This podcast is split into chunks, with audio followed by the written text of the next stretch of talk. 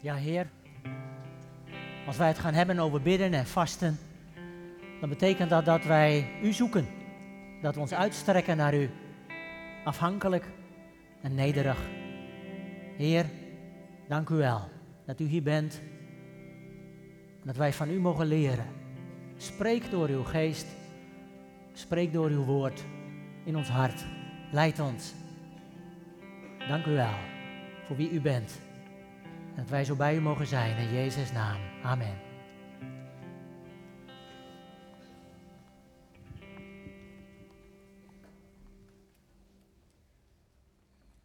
Ja, bidden en vasten. Wie van jullie bidt wel eens regelmatig? Wel eens regelmatig, dat kan ik natuurlijk niet zeggen. Uh, ik bedoel niet aan tafel voor het eten, maar dat je tijd neemt voor God apart om je dingen aan de Heer voor te leggen. Wie van jullie bidt minstens één keer per week?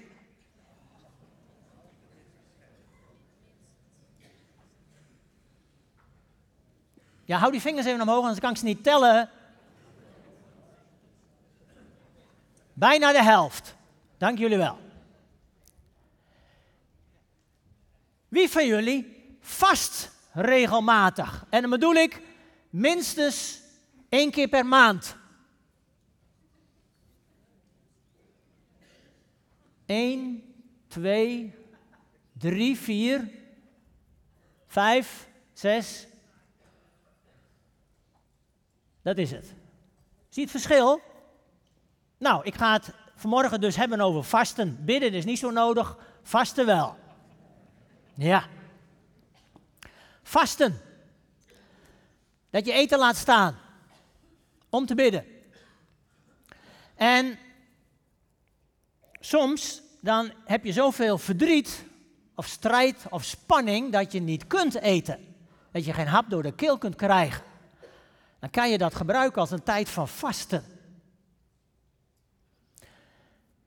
We zien dat bij, uh, bij David, koning David. Als hij overspel heeft gepleegd met Bathseba, dan wordt er een kindje geboren. En dan komt de profeet Nathan bij hem en die maakt hem duidelijk, David, dit is niet goed. En David beleidt schuld. En dan zegt Nathan, u bent de koning, helaas, uw zoontje moet sterven. Het kindje wordt ziek, dood, ziek. En dan gaat David vasten. Hij gaat bidden en vasten. Geen eten, geen drinken. Zeven dagen lang. En s'nachts gaat hij niet naar zijn bed. Hij gaat uh, zo slapen. Op de grond. En zijn dienaren komen bij hem. En zeggen van koning, dat kan toch niet? U moet toch op bed liggen? Maar nee, David, laat me liggen. Zeven dagen lang. Hij smeekt dat God zijn zoontje zal redden. Maar het kindje sterft na zeven dagen. En daarna wast David zich. Hij kleedt zich weer goed. En hij gaat weer eten. En zijn dienaren snappen dat niet en zeggen van, nu zou u moeten rouwen. Ja, maar zegt David, ik dacht misschien verhoort God mij en wordt het kindje gered van de dood. Maar nu is het kindje gestorven, dus nu hoef ik niet meer te vasten.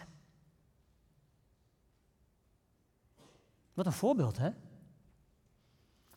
Ander voorbeeld. Ezra. Ezra, die mocht of moest eigenlijk van de koning teruggaan naar Jeruzalem. U leest dat in Ezra hoofdstuk 8. En uh, Ezra die was vol vertrouwen op God. En Ezra die dacht, nee, Ezra zei, God helpt ons. Die zal ons die hele reis van drie maanden of vier maanden, zal die ons beschermen. Dus Ezra dacht, dan ga ik niet van de koning een escorte vragen van soldaten, want dan vertrouw ik niet op God, maar op de koning. Maar Ezra kneep hem wel een beetje. Dus wat ging hij doen? Hij ging met mensen van zijn volk, ging hij daar, voordat hij op weg ging, ging hij een bidstond organiseren. Tien dagen bidden en vasten. En daarna gingen ze vertrekken. En God luisterde. En God bracht hen veilig in het land. God verhoorde de gebeden.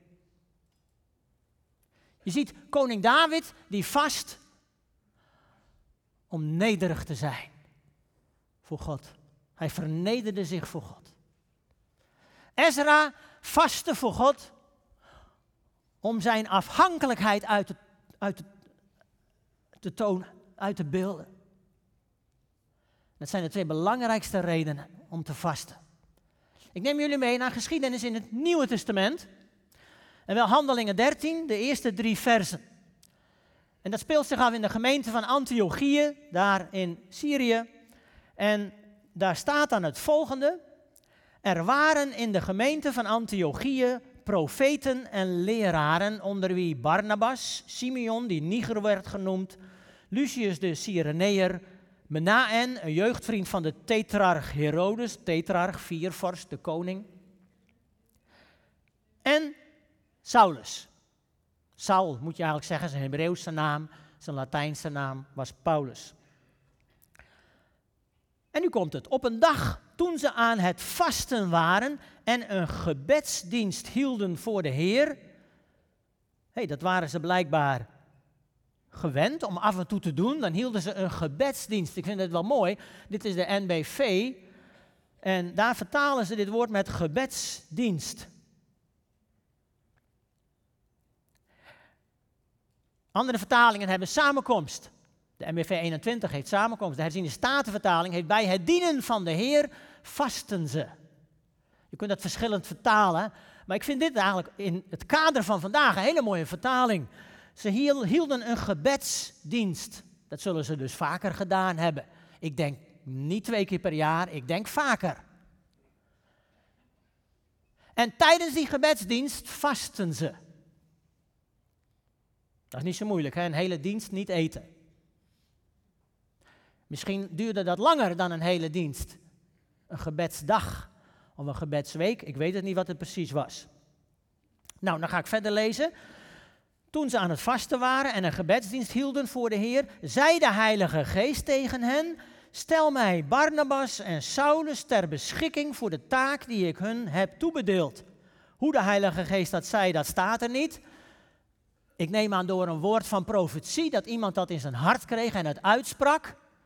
Zonder mij Barnabas en Saulus af, want ik heb een speciale taak voor hen. En we weten dat is de zendingsreis die daarna begon. En dan komt vers 3. Nadat ze opnieuw gevast en gebeden hadden, legden ze hun de handen op en lieten hen vertrekken. Opnieuw gevast en gebeden. Ook daar zeg ik bij, dat zal niet een uurtje geweest zijn, dat zal ook een langere tijd geweest zijn. Misschien een dag of een paar dagen van bidden en vasten om Paulus en Barnabas uit te zenden. Mooi hè, in drie versjes, of eigenlijk in twee versjes, staat het er twee keer dat ze baden en vasten. Een tijd van gebed en vasten. Dat hebben we vandaag ook, een tijd van gebed vanmiddag. En als er dan koffie geschonken wordt, komen er geen koekjes bij. Dat is natuurlijk maar een kleinigheidje. Om maar even door te trekken.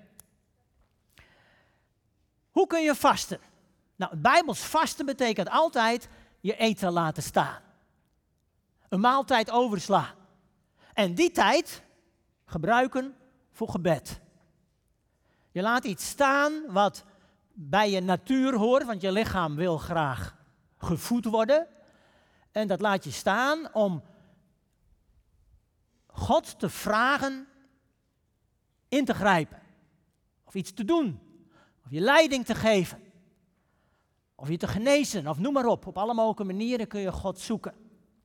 Je kunt één maaltijd laten staan. Je kunt natuurlijk een hele dag niet eten. Je kunt ervoor kiezen om een paar dagen niet te eten. Je kunt een week niet eten. Alleen dan kun je beter wel blijven drinken, anders hou je dat natuurlijk niet vol. Neem aan dat jullie best wel gehoord hebben van tien dagen bidden vasten van Herman Boon. Ook dat is iets waarop God altijd heel bijzonder werkt. En er zijn zelfs mensen die vasten 40 dagen.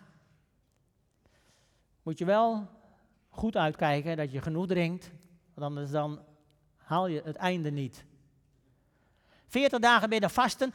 Natuurlijk naar het voorbeeld van Mozes op de berg. Tot twee keer toe, toen hij de tien geboden kreeg. Naar het voorbeeld van Elia, die 40 dagen door de woestijn liep naar de berg Sinaï. Om God te zien te krijgen. Dan had hij daarvoor wel uh, heel speciaal krachtvoer gekregen van de engelen. En naar het voorbeeld van de Heer Jezus, die 40 dagen in de woestijn was voordat hij verzocht werd, voordat hij met zijn bediening begon. Dan zijn het wel hele specifieke voorbeelden.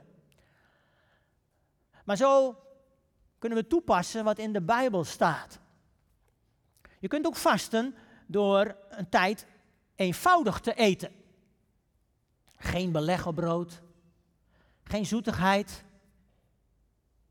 geen koek bij de koffie, geen snoep, noem maar op. Trouwens, de Bijbel kent ook het vasten van seksuele onthouding van je man, van je vrouw. Om je een tijd te wijden aan het gebed. Zoals Paulus schrijft in 1 Korinthe 7, ook dat was blijkbaar gebruikelijk. Daar hoor ik eigenlijk nooit meer iets van in onze tijd onder ons als christenen. Maar ook dat kom je in de Bijbel tegen. Nou, je zou het door kunnen trekken om tijd te maken voor de Heer. Laat je dus iets staan wat je normaal doet. Je kunt dus ook vasten door je schermtijd te ontzeggen. Door een tijd lang geen televisie te kijken, geen computer open te doen of je mobiel te raadplegen. En de tijd die je daarmee uitspaart, in gebed te gaan. Je te richten op de Heer. Je ontzegt je iets. Al zal ik niet zeggen dat dat een, een basisbehoefte van ons lichaam is. Maar goed, dat is eten natuurlijk wel. Daar zit verschil tussen. Je laat iets staan om met meer aandacht en ernst je te kunnen wijden aan het gebed. Vasten is een middel om je extra te richten op de Heer. Om met extra aandacht Gods leiding te zoeken. Er zijn ook mensen die niet eten om kilo's kwijt te raken. Dat noemen we niet vasten, dat noemen we lijnen. Dat is wat anders. Je kunt natuurlijk ook vasten om je lichaam schoon te maken. Want als je niet eet een aantal dagen, dan gaat het lichaam de overtollige stoffen opruimen. Maar dat is niet de reden van Bijbels vasten. Bijbels vasten heeft altijd een geestelijke betekenis. Het gaat altijd om je relatie met de Heer. En er zijn die twee woorden de belangrijkste die we zagen bij David en bij Ezra. Nederigheid en afhankelijkheid. Door niet te eten verneder je je eigenlijk jezelf voor God. Een heel bijzonder voorbeeld in de Bijbel vinden we in Nineveh. Nineveh was natuurlijk niet gelovig. Tenminste, niet Joods, niet Israëlitisch. En Jona wordt helemaal naar Nineveh gestuurd, die wil eerst niet gaan. En dan gaat hij naar Nineveh en dan heeft hij de opdracht om duidelijk te maken, en dat is ook heel zijn prediking, nog 40 dagen en nachten en Nineveh zal ondersteboven worden gekeerd. Dat was zijn hele prediking, over evangelisatie gesproken. Niet zo'n beste boodschap die, die Jona bracht. En Nineveh was zo groot dat je drie dagen nodig had om er doorheen te lopen. Hij liep één dag met deze en dat vond hij best. En toen ging hij op de berg zitten, zo van kijken tot het gebeurt, 40 dagen. Maar ondertussen gebeurde er wat in Nineveh. De mensen die hem hadden gehoord, die namen ze dat ter harte en die gingen vasten. En toen de koning van Nineveh het hoorde, toen ging hij van zijn troon af. Hij vernederde zichzelf. En hij gaf de opdracht dat niemand in Nineveh, mens noch dier, mocht eten en drinken.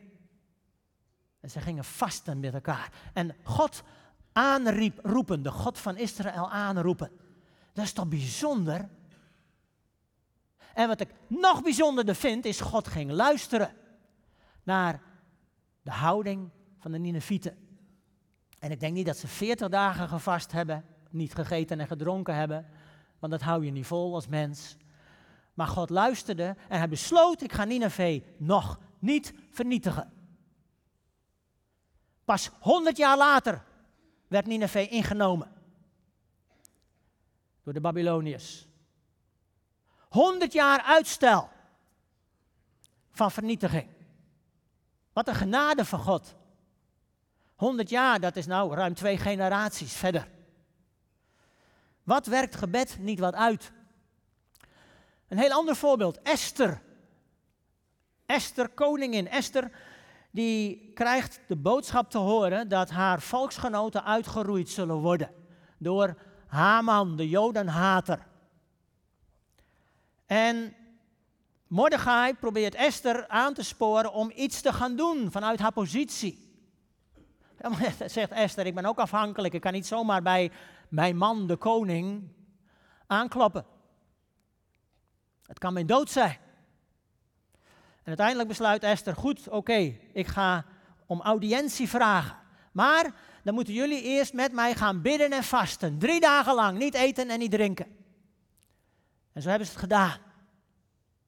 Jullie kennen het resultaat. Dan komt Esther bij de koning en dan reikt hij haar zijn scepter toe. En dan begint de weg naar de verlossing. En de dood van Haman. Drie dagen van bidden en vasten. En God verhoort. Wat een prachtige, een prachtige voorbeeld van hoe God werkt op gebed. Hoe God werkt op bidden en vasten. Ik vast niet vaak. Soms laat ik een maaltijd staan voor een moeilijk gesprek. Of voor een moeilijke vergadering. Op die manier God aan te roepen en te laten zien, Heer, ik ben afhankelijk van u, ik kan het niet zelf. Wat Esther betreft, door de geschiedenis in Esther is het Purimfeest ontstaan. En nu hebben ze een dag voor Purim in Israël altijd een dag van vasten. Omdat Esther ook drie dagen met haar volksgenoten vastte en bad. Nou, de Joden, de Israëlieten, die hadden vier vaste vastendagen in het jaar. Als je voor jezelf Zacharia 8, vers 19 opslaat, dan wordt gezegd dat ze een vastendag hadden in de vierde, in de vijfde, in de zevende en in de tiende maand van het jaar. Dat waren allemaal dagen die, uh, die getekend waren door leed in Israël. Er was iets naars in de geschiedenis gebeurd op die dagen. Vandaar dat dat herinneringsdagen waren om stil te staan bij het leed wat hen als volk was overkomen. En de belangrijkste van die dagen is de negende Aaf. Aaf is een Hebreeuwse maand. Dat is in de vijfde maand. De negende Aaf, herinnering aan de verwoesting van de tempel. Nebukadnezar, die Jeruzalem verwoestte, de tempel verbrandde en de leiding meenam in ballingschap naar Babel. En nog steeds wordt dat herinnerd in Israël. De negende Aaf. Trouwens, precies op die dag hebben ze voortdurend ellende meegemaakt, de Israëlieten. Vandaar dat het een dag blijft van bidden en vasten. En Zacharia die maakt ook duidelijk dat die dagen verdrietige dagen zijn. Het is herinneringsdagen zijn dat. Maar het zullen dagen van vreugde worden, zegt Zacharia. Een prachtige profetie.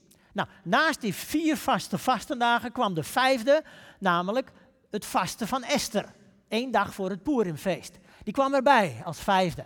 En dan hadden de Israëlieten, hebben ze nog altijd, als grootste vastendag, Grote Verzoendag, Yom Kippur. Op Grote Verzoendag is het een dag van bidden en vasten. Een dag van inkeer. Om zich te keren tot God en hun verkeerde dingen te beleiden. Nou, zo hebben de Israëlieten zes vaste dagen in het jaar dat ze vasten. Wij als christenen hebben geen vaste vastendagen. Er zijn niet herinneringsdagen waarop we moeten vasten. Sterker nog, er wordt helemaal niet gezegd dat we moeten vasten. Er wordt trouwens ook nergens gezegd dat we moeten bidden. Het is goed om te bidden. Om die relatie met de Vader open te houden. En zo is het ook goed om af en toe te vasten. Om op die manier je bidden te versterken. Om daar mee te laten zien dat je je vernedert voor God. Om te laten zien dat je afhankelijk bent van Hem. En soms met nog meer ernst en nadruk je kunt wijden aan het gebed. Heer, ik heb ze zelfs voor over om iets te laten staan wat ik normaal nodig heb.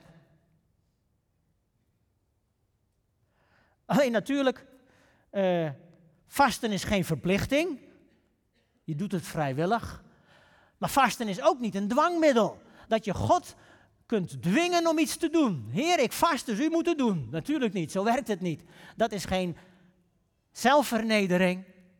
Dat lijkt meer op zelfverheerlijking. Natuurlijk, God is soeverein. God werkt zoals hij wil. David, na zeven dagen binnen een vaste, stierf zijn zoontje toch. God kon niet anders, want David was koning. Die was het voorbeeld in Israël. Eigenlijk had David de doodstraf moeten krijgen. Wat een genade dat God dat niet deed. Hij vergaf David, maar dit was de consequentie. Trouwens, daarna kregen hij en Bathseba nog een zoon, Salomo. Die de bijnaam Jedidja kreeg.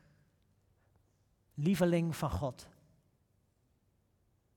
Wat een extra genade gaf God daarna aan David omdat David ondanks zijn grote fout een man naar Gods hart was. Bijzonder. Eigenlijk is vasten een nadruk leggen op je gebed. Dat je eigenlijk zegt, Heere help, ik kan het niet. Ik weet het niet. Ik ben volkomen afhankelijk van u. Help, Heere. En de ernst daarvan laat je zien door iets te laten staan wat je normaal nodig hebt. En de Heer Jezus die zei ook van als je vast, en hij doelde dan natuurlijk naar die vaste vastendagen van de Israëlieten. Als je vast, ja, dan, dan verzorg je jezelf meestal ook wat minder. Dan eh, ben je zo gericht op God, op het gebed, op dat wat je dwars zit, op je nood, op je strijd, op, op de rouw, het verdriet. Dat je dat het je aan te zien is als je vast. Maar er zijn, waren mensen in zijn dagen en die gingen expres de straat op, helemaal onverzorgd, van kijk eens, ik ben aan het vasten. Goed hè? Zegt de Heer, doe dat niet. Ga gewoon in je binnenkamer, verzorg je goed en bid daar tot God. En laat niet zien aan anderen dat je vast, want het is tussen mij, het is tussen de Vader en jou. Dat vasten. Here, help. Nou, er was iemand en dat is koning Agab. Koning Agab, een van de meest slechte koningen die er geweest is, getrouwd met Izebel, de aanbidster van de Baals. Nou, u kent de geschiedenis, neem ik aan, van de, de priesters die verloren met de wedstrijd om het offer aan te steken. God deed het wel, de Baals deden het niet. De priesters worden allemaal gedood. Izebel woest, Elia moest vluchten. Nou, u kent de geschiedenis. En dan gebeurt er nog iets ergs. Dan zorgt Izebel ervoor dat Nabot, de gelovige Jood, gedood wordt, vals beschuldigd wordt en gedood wordt. En dan pikt Agab de mooie wijngaard van Nabot in. Dan stuurt God Elia naar Agab toe. En dan moet Elia de boodschap vertellen, Agap, omdat je zoveel erge dingen gedaan hebt en dit ook nog, zullen al jouw, zal heel jouw familie uitgeroeid worden. En Izebel ook. Zo, wat een profetie.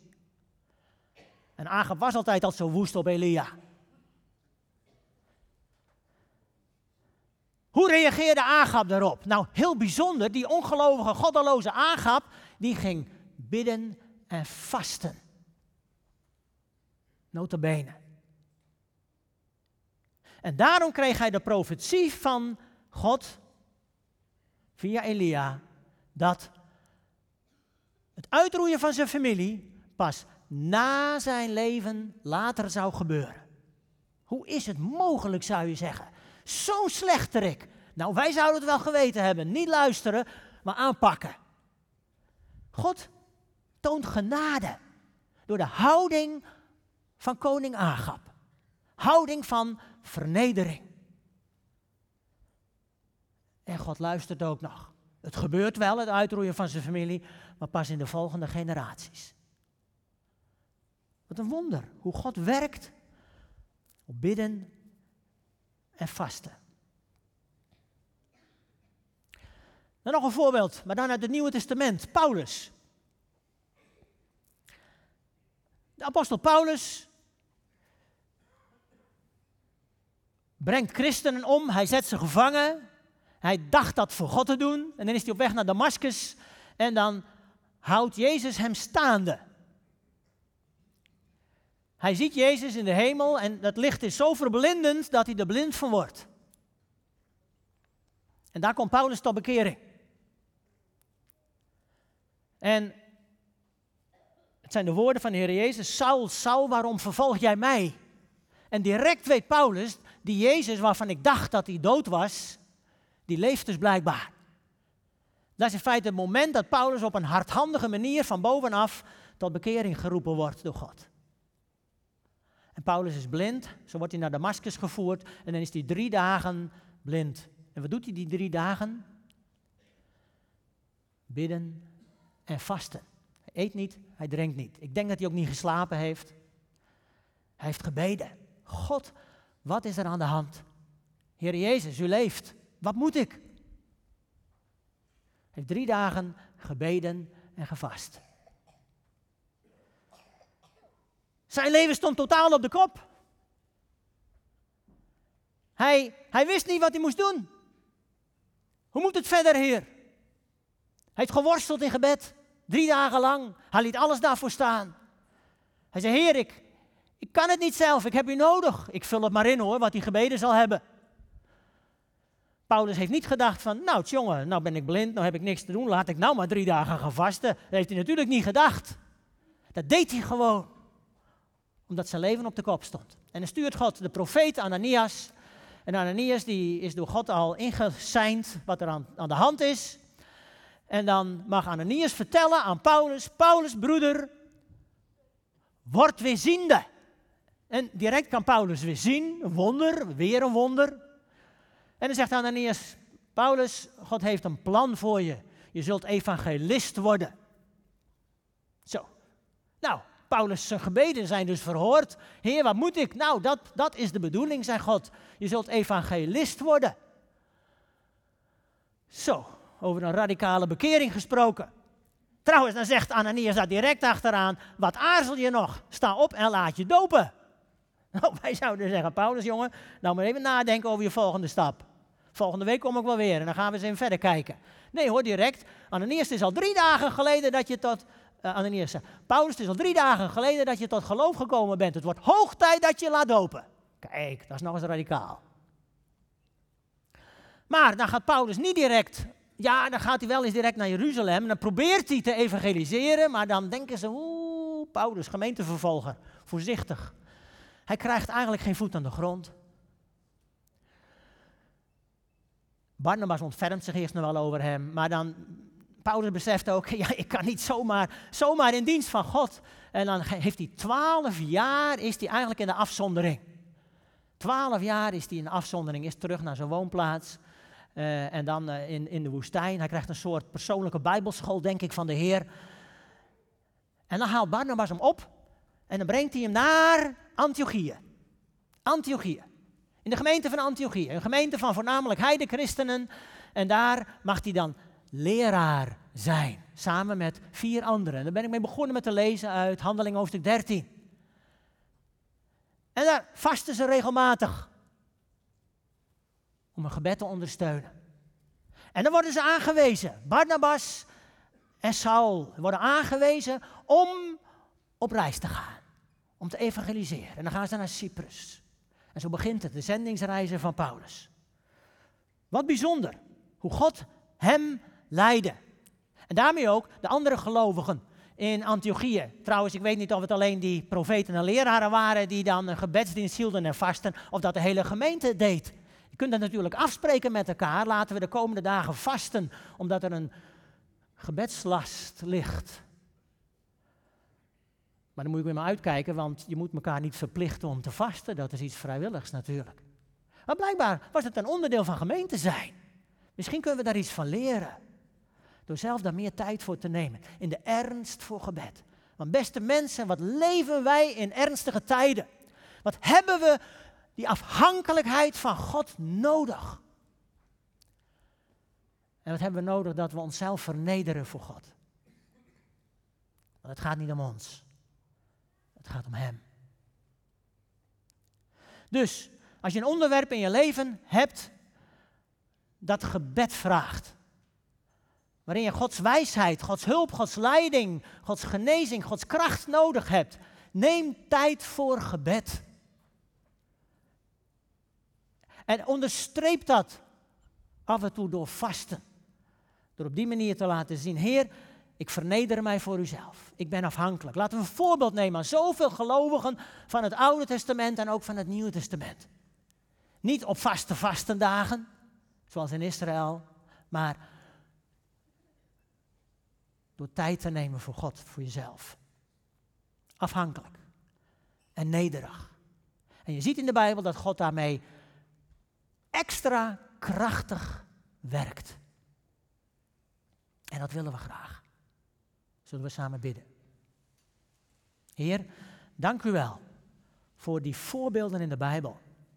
Van mensen die in welke situatie dan ook, als er moeite was, dat ze gingen vasten en bidden. Heer, dank u wel dat er zoveel voorbeelden zijn dat u werkt op het gebed. En ook daar waar mensen tonen dat ze nederig willen zijn voor u. En dat ze afhankelijk willen zijn van u. Heer, leid ons door uw Heilige Geest. Dat wij ook door tijden van gebed en tijden van vasten ons op u mogen richten. En in deze ernstige tijden, dat we aan u de ernst van ons gebed, van onze afhankelijkheid mogen laten zien. Heer, hier zijn wij. We willen u volgen. Leid ons, ieder persoonlijk, in ons dagelijkse leven. Heer, we kunnen geen moment zonder u, maar ook in ons gemeenteleven. Leid ons om samen gemeente te zijn, waarin mensen u mogen vinden, mogen groeien naar de Heer Jezus toe. En Heer, als u daar het middel van vasten ook voor geeft, wilt u ons daarin ook maar vrijmoedigheid geven. Ieder persoonlijk op onze eigen manier. Wij dragen dat aan u op. We bidden zo uw zegen. Ook voor vanmiddag, als we de gebedsmiddag hebben. Dat bid ik u in Jezus' naam. Amen.